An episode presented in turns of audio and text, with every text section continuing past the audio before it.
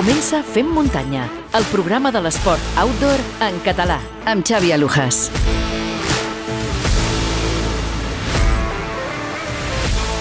Benvinguts, fem muntanyeros i fem muntanyeres. Comencem un nou capítol d'actualitat on repassarem el que ha donat de si aquests darrers set dies en el món de les curses per muntanya i en el món de la BTT. I com sempre ho farem amb l'Albert Torrent d'ultrascatalunya.com i el periodista Robert Mercè. Aquest passat cap de setmana hem tingut fins a 18 curses de muntanya, algunes amb eh, molt de caràcter, com la Trail Cap de Creus a Roses, per exemple, o la Berga Trail a la ciutat de Berga. Per destacar-ne només algunes, eh? També hem tingut curses fora de Catalunya, com la Trail Menorca Camí de Cavalls, que repassarem eh, tot seguit amb l'Albert Torrent i on escoltarem doncs, eh, protagonistes com el Pau Capell i el Tòfol Castanyer. Recordeu que dijous passat vam publicar el Fem Muntanya 89 amb una llarga i interessant conversa amb el Marc Uller, flamant campió d'Espanya en modalitat ultra per la FEDME. El Marc eh, ens va explicar les seves prioritats que l'han dut a guanyar aquest campionat a la Trencacims de Pauls aquest passat mes d'abril. També escoltareu la recomanació literària del Marc eh, Cornet, que ens va recomanar Arriba a Itàlia, de Marcos Pereda, també en aquest eh, Fem Muntanya 89, el Guillem Marchal ens va explicar quan hem de dir adeu.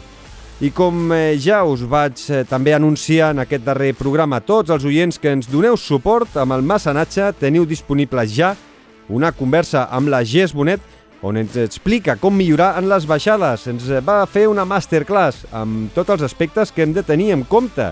Si voleu escoltar aquesta conversa o participar als sortejos que anem fent regularment, el que heu de fer és fer-vos mecenes per tan sols 1 euro amb 99 cèntims al mes a través de l'enllaç que teniu a les notes del capítol. També ens ajudareu i molt si a l'hora de comprar o regalar una camisa tècnica de, per entrenar o competir de Flying Burrito o si us esteu pensant en comprar un nou dispositiu de la casa Coros, feu servir l'enllaç i els eh, codis que teniu a les notes del capítol. Vosaltres tindreu uns bons avantatges en les vostres compres i nosaltres rebrem petites comissions que ens ajuden i molt amb el manteniment d'aquest podcast, d'aquest projecte, el Fem Muntanya. I no us oblideu de seguir-nos a la plataforma de podcasting que feu servir normalment i activeu les notificacions. També ens podeu seguir a Instagram i a Twitter com arroba femmuntanya i us esperem a tothom. Tots sou benvinguts a la gran comunitat Fem Muntanyera a Telegram. I fet aquesta introducció, el que hem de fer és eh, començar i connectar amb la redacció d'ultrascatalunya.com. Subscriu-te al podcast de Fem Muntanya.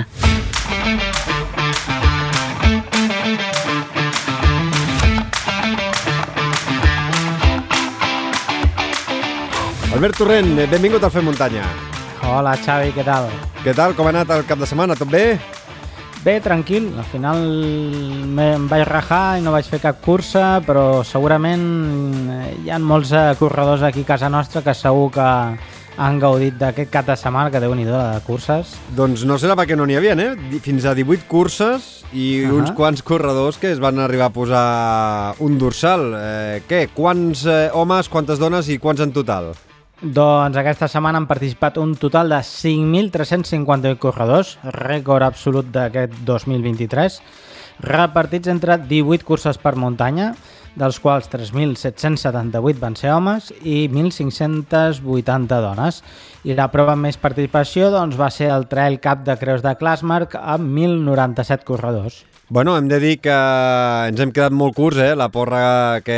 Sí, sí. La juguesca que fem sempre quan acabem eh, aquestes píndoles d'actualitat de les curses per muntanya Uh, tu vas dir uh, que passaríem dels 4.000, eh, t'has aprovat, vull dir, l'has encertat, passaríem dels 4.000 i jo vaig dir entre 4.400 i 4.500 corredors i corredores, eh? Vull dir que ens hem, curt, quedat, ens hem fet curt. molt curts, ens hem quedat. 5.358 participants que s'han posat uh, un dorsal. Déu-n'hi-do.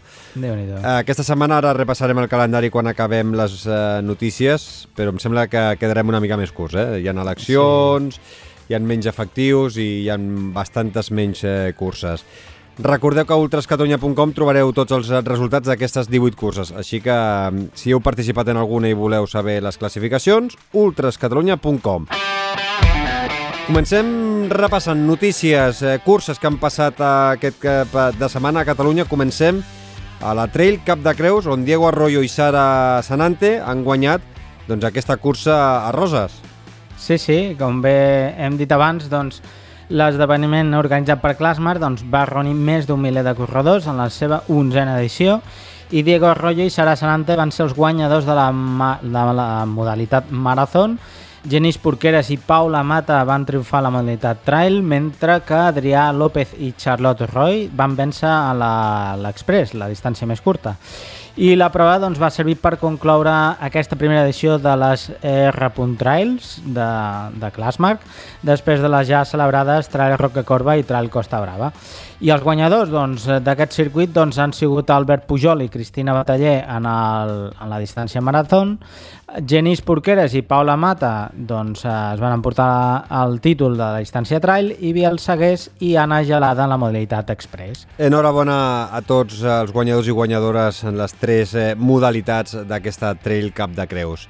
Ara el que hem de fer és eh, sortir de Catalunya, viatjar fins a Menorca perquè Tòfol Castanyer i Claire Vanguard eh, brillen eh, a Menorca. Sí, aquest cap de setmana es va disputar una nova edició d'aquesta Trail Menorca Camí de Cavalls amb més de 2.000 corredors i on el mallorquí Tòfol Castanyer doncs, es, va es va emportar la victòria en la modalitat més llarga de 185 quilòmetres imposant-se el sis vegades guanyador Antoine Guillon i a més a muntar un rècord de 18 hores, 19 minuts i 50 segons. Recordem tot i això que el temps rècord del circuit eh, ho va, el té en possessió en Pau Capell que en el 2020, doncs, amb aquest any de pandèmia, doncs, es va fer com, com una espècie de, de competició a veure si era capaç de rebaixar el rècord i Pau Capell doncs, té aquest circuit amb 16 hores 46-48. Mm -hmm. Doncs el que hem de fer és en declaracions al Fem Muntanyes escoltar el Tòfol Castanyer que ens expliquen aquesta nota de veu doncs, com va viure aquesta cursa de 185 quilòmetres, la més llarga que ha fet eh, fins a dia d'avui, que n'ha fet unes quantes, mm -hmm. i com eh, va gestionar aquestes eh, 18 hores.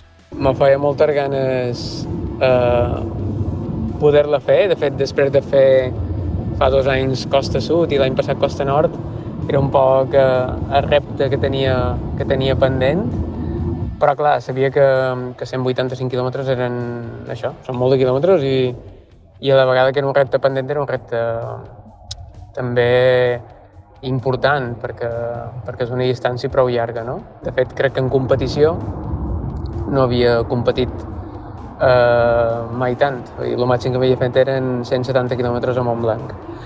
Um, en tot això doncs, me vaig presentar a la sortida sabien que segurament rivals a batre eren, eren els francesos. Bé, també havia, havia qualque corredor estatal, però sobretot l'experiència d'en Guillon que, que havia guanyat les darreres edicions era, era crec que arribar al més important. I, i també m'ho van explicar una miqueta així com, així com ells solien córrer, que era sortir més tranquils i, i anar, anar pitjant un poc en el final. I sapiguent això, pues, me vaig plantejar una estratègia, potser un poquet arriscada, però eh, també una estratègia per intentar eh, millor sorprendre en aquests corredors i fer-los canviar la seva tàctica, no? I va ser sortir ja un poc més fort en el quilòmetre 1 i, i córrer tot sol eh, en el final de 185 quilòmetres. Supos que això ens va trastocar un poc la tàctica, la tàctica i, i vàrem fer que, tot i jo de fer una cursa un poc més canyera, eh, pues anar sempre en el ritme que jo volia i forçar-los a ells a anar a un ritme que potser no era el seu. La veritat que la cosa va anar molt bé, eh, passàvem molta, molta pena per, per temps meteorològic, havien donat aigua des de la sortida. La primera tempesta, eh, supos que el vent la se'n va dur i, i sols mos varen banyar una miqueta eh, al vespre, de fet la una a la nit, però tampoc varen ser, varen ser, varen ser dues pluges no molt fortes i, i el que, el que havia de ser el handicap més important que era que era l'aigua, no, no va ser, vent sí, va, va fer vent pràcticament tota la cursa, però bueno, ho varen gestionar, ho varen gestionar bé. En el meu equip d'assistència anaven canviant de roba i la veritat que, que va anar tot molt bé i, i bueno, vaig poder, vaig poder gaudir d'aquesta volta completa a Menorca i, bueno, i en el final gaudir d'una victòria que, que me feia moltes ganes, que no era fàcil, i, però que va anar molt bé. I el rècord, eh, el rècord no em confiava, de fet, eh, fins a 40 km de meta més o manco no m'ho varen dir que anava en de rècord. I per descomptat que, que, que és, un, és un punt a favor més, eh, no anava per fer, per fer aquest rècord, però, però bueno, supos que la bona cursa que vaig fer eh, m'ha donat també com a premi aquest rècord de, de la Menorca 185 i el triomf femení doncs, va anar a càrrec de la francesa Claire Vanguard, que qui recordi doncs, eh, va vèncer de forma absoluta aquest Trail Cat 200 a Tarragona el passat mes de març i doncs, eh, Claire doncs, va tornar a vèncer a, a la illa Menorquina per tercer cop. I precisament, doncs, com hem parlat abans, doncs, Pau Capell, que va ser un dels eh, vencedors d'aquesta Trail Menorca Camí de Cavalls. En aquest cop ho va fer a la modalitat de 100 km, estalvint a més una nova marca al circuit de 9 hores 49 minuts i 21 segons, mentre que el triomf femení doncs, va ser per Coloma Surega. I el eh, Pau Capell, que tanca totes les eh, modalitats possibles, eh, li faltava fer aquesta modalitat de 100 quilòmetres, i que també amb declaracions al Fem Muntanya ens explica una miqueta com va viure l'inici, una mica plujós i ventós, i com va haver d'apretar al final eh, per rebaixar el rècord i deixar-ho, com dius, en 9 hores, 49 minuts i 21 segons. Aquest any vaig córrer la de 100 quilòmetres perquè era l'única que em quedava per fer i em feia molta il·lusió pues, tenir-les totes i va anar molt bé, la cursa realment em va anar molt bé, és una cursa que no sembla molt, molt, molt difícil de fer perquè el desnivell no és molt, crec que em van sortir 2.000 i poc positius o 2.500, una coseta així, però, però sí que és cert que després et trobes un terreny que és, és bastant pedregós, eh, vas per molts acantilats, és un pujar i baixar constant, eh, bueno, és, és, és un terreny que no és fàcil de córrer. Eh, sempre has d'anar vigilant molt al terra perquè hi ha molta pedra, molta roca, i, i bueno, eh, hi ha llocs que fins i tot li diuen Mordor, no? que és un lloc pues, on, on córrer és encara més difícil per, perquè està ple de pedres. Eh, és un terreny divertit, això sí, però la cursa es fa dura perquè també és de nit. Surts a la una del matí, per tant ja comences una mica doncs, amb son, no? Eh, a la una del matí normalment estem dormint i, i bueno, comences la cursa amb una mica de son, eh, però tot i així aquest any el temps era complicadot i, i a les sortides va començar a ploure, això sí, feia molt, molt de vent i, i bueno, al cap d'una estona va deixar de ploure i, i només es va quedar el vent no? a la nit. Sí que és cert que, que bueno, com que estàs a prop del mar a vegades doncs, et mulles, però per, per, per la pròpia aigua del mar que, que sí que s'aixeca una mica, però, bueno, però en general a mi personalment em va anar molt bé, m'ho vaig passar molt bé també eh, i al final doncs, em vaig trobar amb el rècord a la mà. Eh, estava arribant a Ciutadella, quedaven uns 10 quilòmetres, vaig mirar el rellotge i vaig dir, ostres, uh, ho tenim a tocar i, i bueno, els últims quilòmetres sí que vaig, a, vaig apretar una miqueta més perquè l'orgull em deia que, que ho, podia, ho podia aconseguir, podíem quedar-nos amb aquest rècord no, de la cursa.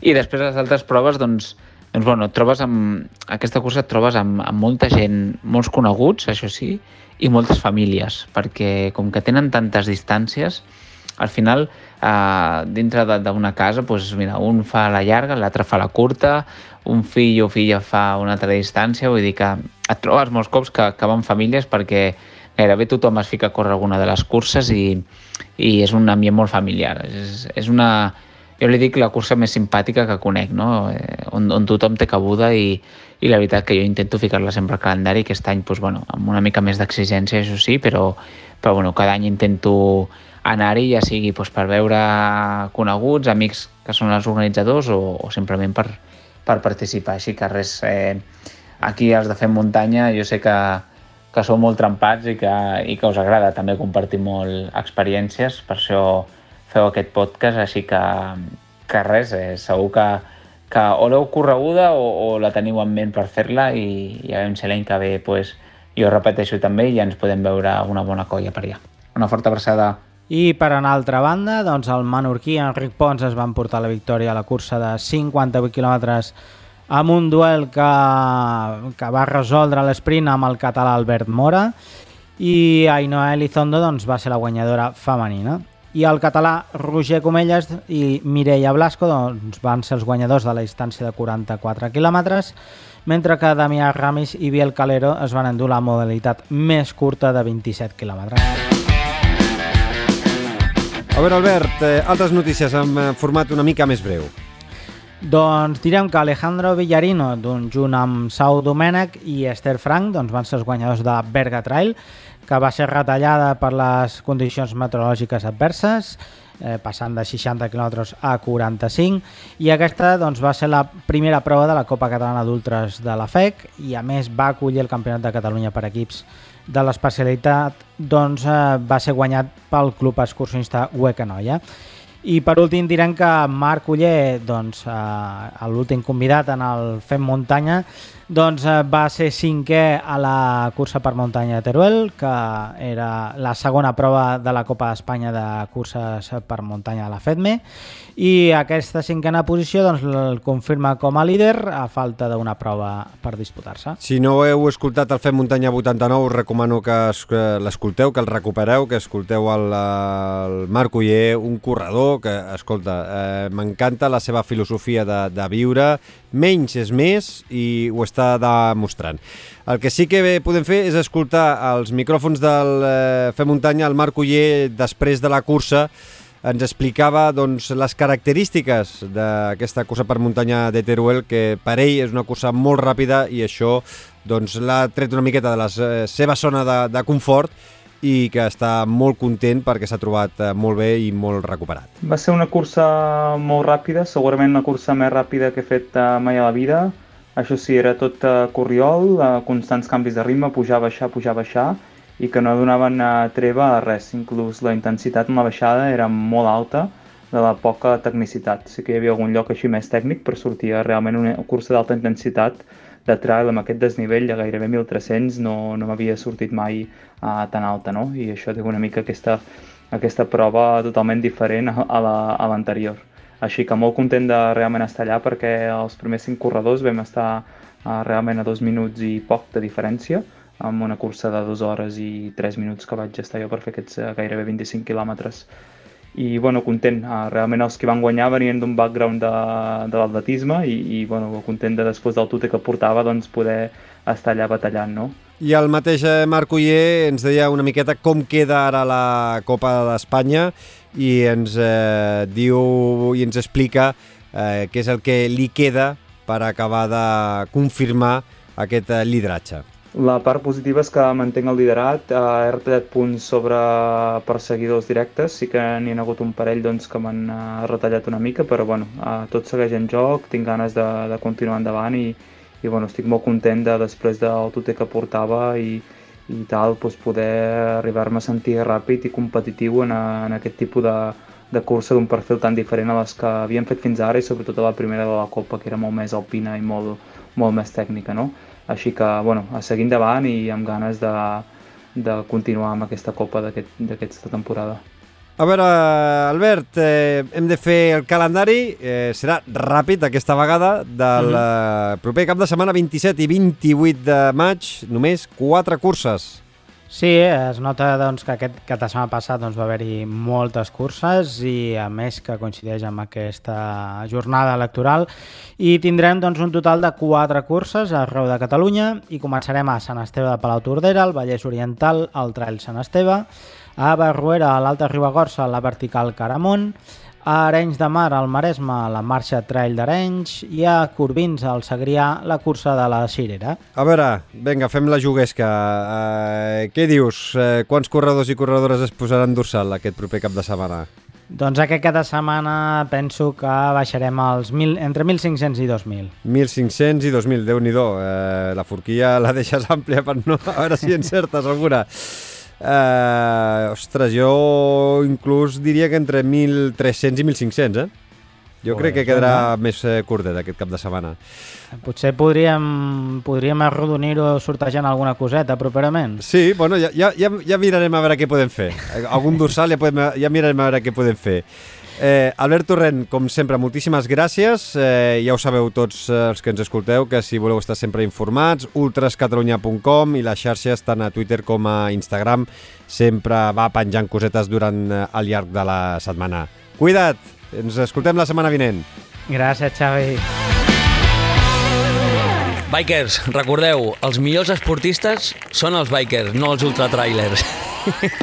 Una abraçada a tothom de Fem Muntanya. Vinga, adeu!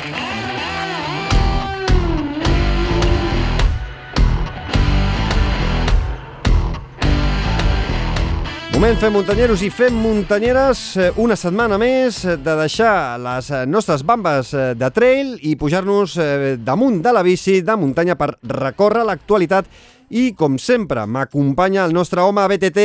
Hola, Robert Mercè, benvingut una setmana més al Fem Muntanya. Què tal, Xavi? Com estem? Moltes gràcies a, a tu i als nostres oients. Comencem l'actualitat amb el Campionat d'Espanya Marató que s'ha disputat a Badajoz, a Jerez de los Caballeros, amb un recorregut de 83 quilòmetres i 2.200 metres de desnivell positiu.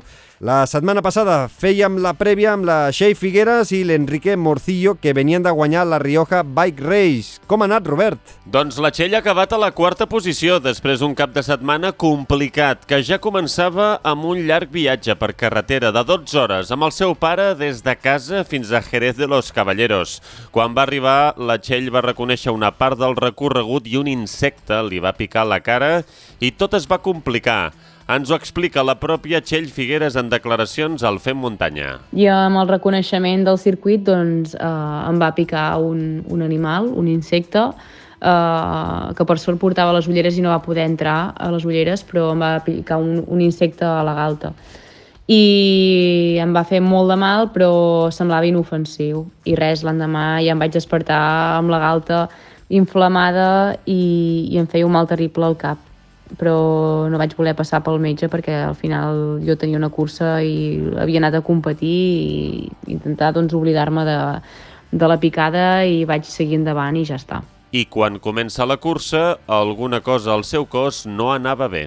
Uh, la inflamació de la picada durant la cursa doncs, uh, es va anar extenent a l'altre costat de cara i, i la veritat és que suposo que el meu cos estava lluitant uh, contra el verí o no ho sé, però el, només d'arrencar ja, em va, ja em va costar una mica entrar al ritme de cursa, que jo normalment començo crec que, que el meu punt fort és el començament, que ja començo uh, amb una estrabada i, i ja marco un ritme intens i era com que ja em costava, però bueno, vaig intentar-me calmar i, i fer la meva i quan portava uns 50 quilòmetres doncs l'estómac se'm va tancar, em va passar una cosa molt estranya que no m'havia passat mai. Uh, se'm va tancar l'estómac i tot el que bevia no... semblava com que no em fes efecte. Tots els gels, tots els carbohidrats que portava la beguda no...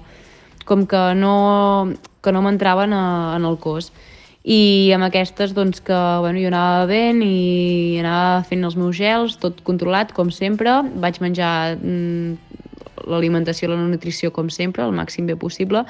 I, i quan vaig arribar doncs, al baixar de la bicicleta, bueno, uh, un desastre, no, no em podia posar dreta, uh, la panxa em va quedar ben inflamada, uh, tampoc podia sentar-me perquè no em podia doblegar, uh, de dolor de, de la panxa, eh, tampoc em podia doncs, doncs moure i vaig anar al lavabo i tampoc no va sortir gaire res, només una mica de bipi i, i no va ser fins que vaig aconseguir doncs, arribar al cotxe, que em vaig tranquil·litzar una mica al cap d'una hora eh, amb el meu pare ja tornant eh, cap a casa doncs el vaig fer parar en una gasolinera i a la gasolinera doncs, vaig començar a vomitar, uh, a fer diarrea, vaig estar com 20 minuts en el lavabo uh, fent neteja. M'ho vaig passar molt malament, la veritat. Mai havia arribat així en una cursa. Uh, la gent que em va veure mig se'n reia perquè um, semblava que era mentida, no? que, que podia estar tan, tan esgotada, però és que algú no em va anar bé, algú em va tancar l'estómac i va fer que, que, que no, que de cop i volta se m'acabés la gasolina. I tot i les dificultats, la Txell Figueres de l'equip Buf Megamo va acabar a la quarta posició. La resta estic contenta perquè al final doncs, la carrera va anar molt bé, uh, ja que vaig poder acabar, que acabar amb una quarta posició amb el dolor de cap i el dolor de panxa doncs crec que ja està molt bé, però bueno, m'hagués agradat poder estar allà on em tocava perquè sé que el meu nivell n'és d'estar quarta, Uh, porto fent moltes curses i he coincidit amb les corredores que m'han guanyat i bé, crec que la meva posició és aquesta. Ara per ella, el calendari de les properes curses és una incògnita. Doncs amb aquesta cursa se m'obria, no se'm tancaven portes i no sé què passarà. Uh, ens havíem posat com a objectiu el Campionat d'Espanya estar allà davant i, i no, mm, per culpa doncs, d'aquests doncs, entrebancs no, ha pogut ser estar, no he pogut estar allà davant, allà on a mi m'agradaria. Uh, la qüestió és que no sé si aniré a l'europeu, no sé si tindré l'oportunitat d'anar al Mundial, uh, tot i que ja compleixo tots els objectius de, per ser seleccionada per anar al Mundial. Uh, no sé com continuarem la temporada, tampoc sé si podré anar en alguna Copa del Món, uh, tot i que m'agradaria i crec que en alguna ho puc fer molt bé perquè hi ha circuits tècnics i estic forta. Uh, bé, ara mateix tot queda una mica suspès en l'aire, però la següent cursa important que segur que faré és l'Andorra Mountain Bike Classic amb la meva companya d'equip, la Janina, i ens entenem molt bé i estic segura que ens esperen grans èxits, així que bé, motivada i toca seguir endavant. Vingui el que vingui, benvingut serà i seguirem gaudint. Pel que fa als triomfs, Natàlia Fischer va aconseguir la victòria a la categoria femenina. Segona posició per Ariadna Ròdenas i tercera Tessa Cortecas, la guanyadora de la Titan Desert. Pel que fa als homes, el nou campió d'Espanya a la modalitat marató de bici de muntanya és Sergio Mantecón, de l'equip Escot Calabandida, que revalida el títol per segon any consecutiu després de 3 hores i 31 minuts. El segon lloc l'ha aconseguit Miguel Muñoz, que va arribar a 40 segons. I tercer, Roberto Bou, també de l'equip Cannondale Bass Arabai. El ciclista va acabar a 43 segons de Mantecón. L'Enrique Morcillo va finalitzar a la novena posició. La cursa es va decidir a la darrera pujada, 5 quilòmetres pel final.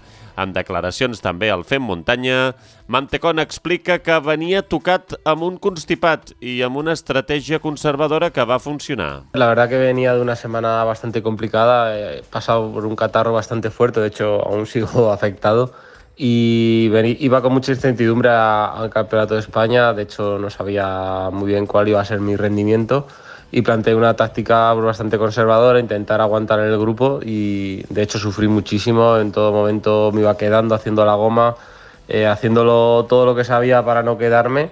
Y el objetivo era intentar llegar a, a la última subida que era 5 kilómetros de meta, una subida yo creo para mí era definitiva e intentar llegar allí lo mejor posible. Y si tenía opción pues jugármela ahí. Y así fue, o sea, a falta de 5 Llegué, eh, probé y por suerte pues el cuerpo respondió y, y bueno, pues pude abrir el hueco y, y tener las fuerzas para llegar a meta solo. El recorregut no era gaire dur i això va provocar que durant força estona els favorits anessin en grup. El recorrido pues es eh, un poco diferente a lo que estamos acostumbrados en mountain bike, estamos acostumbrados siempre a, a recorridos más, más eh, duros, más exigentes, donde ya se hace la selección y este era un recorrido más rodador, más táctico y, y, bueno, pues una carrera un poco más diferente, más de rodar en grupos, saberse mover con más corredores y sobre todo tener un, planteamiento táctico un poco definido. O sea que és lo que yo creo que ha hecho un poco de, de diferente esta carrera de otras. Per Mantecón, el gran objectiu del que queda de temporada serà el Mundial de Glasgow. La prova marató serà el diumenge 6 d'agost. Molt interessant, Robert, tot aquest contingut d'aquest campionat d'Espanya marató amb bici de muntanya. Però saltem ara a la Shimano Supercup Masi de Santa Susana. Amb gairebé 7 quilòmetres de circuit per volta a un traçat que, com sempre, té de tot. Senders revirats, dures ascensions i una llarga baixada final que el converteix en un dels circuits més complets del calendari de la Shimano Supercup Masi. Gerardo Ulloa es va endur la victòria. Segona posició pel número 1 del món, David Valero, i tercer el ciclista català Jofre Collell. A la categoria femenina, victòria per la campiona australiana Rebecca Henderson del Primaflor Mondraker Genuines. Segona posició per la campiona brasilera Raisa Gulau de Logi Bikes. I tercera, Rocío del Alba, la campiona espanyola del BH Coloma Team. La ciclista va tancar el podi. Valero manté el liderat de la Supercup Massi i Rebecca Henderson és la nova líder. Propera cita del calendari aquest cap de setmana a Vic i la propera a Mallorca, a Cala Ratjada. I ara, Robert, de Santa Susana, viatgem fins a Gran Canària. Sí, us parlo ara de la Transgran Canària Bike, cursa UCI de quatre etapes i que ha guanyat Hans Becking de l'equip Buff Megamo.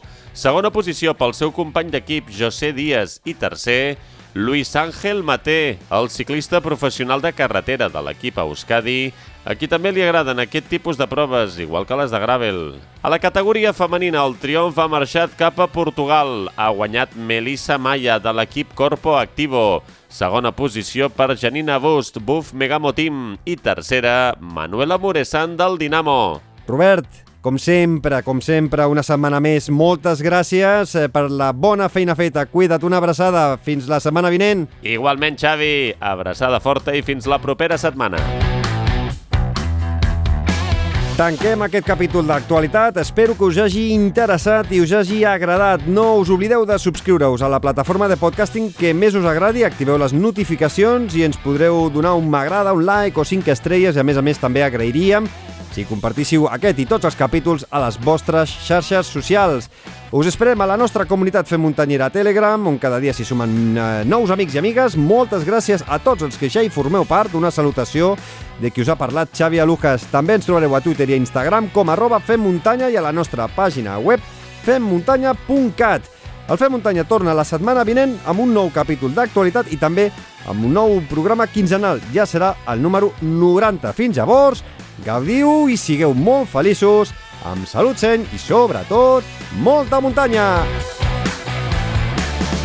Fem muntanya, l'esport outdoor en català.